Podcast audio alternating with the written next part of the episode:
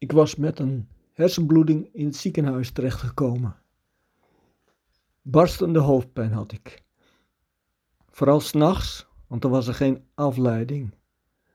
Op een nacht bad ik tot God om verlichting. Toen gebeurde er iets. De hoofdpijn verdween en het was alsof er een warme deken over me heen gelegd werd.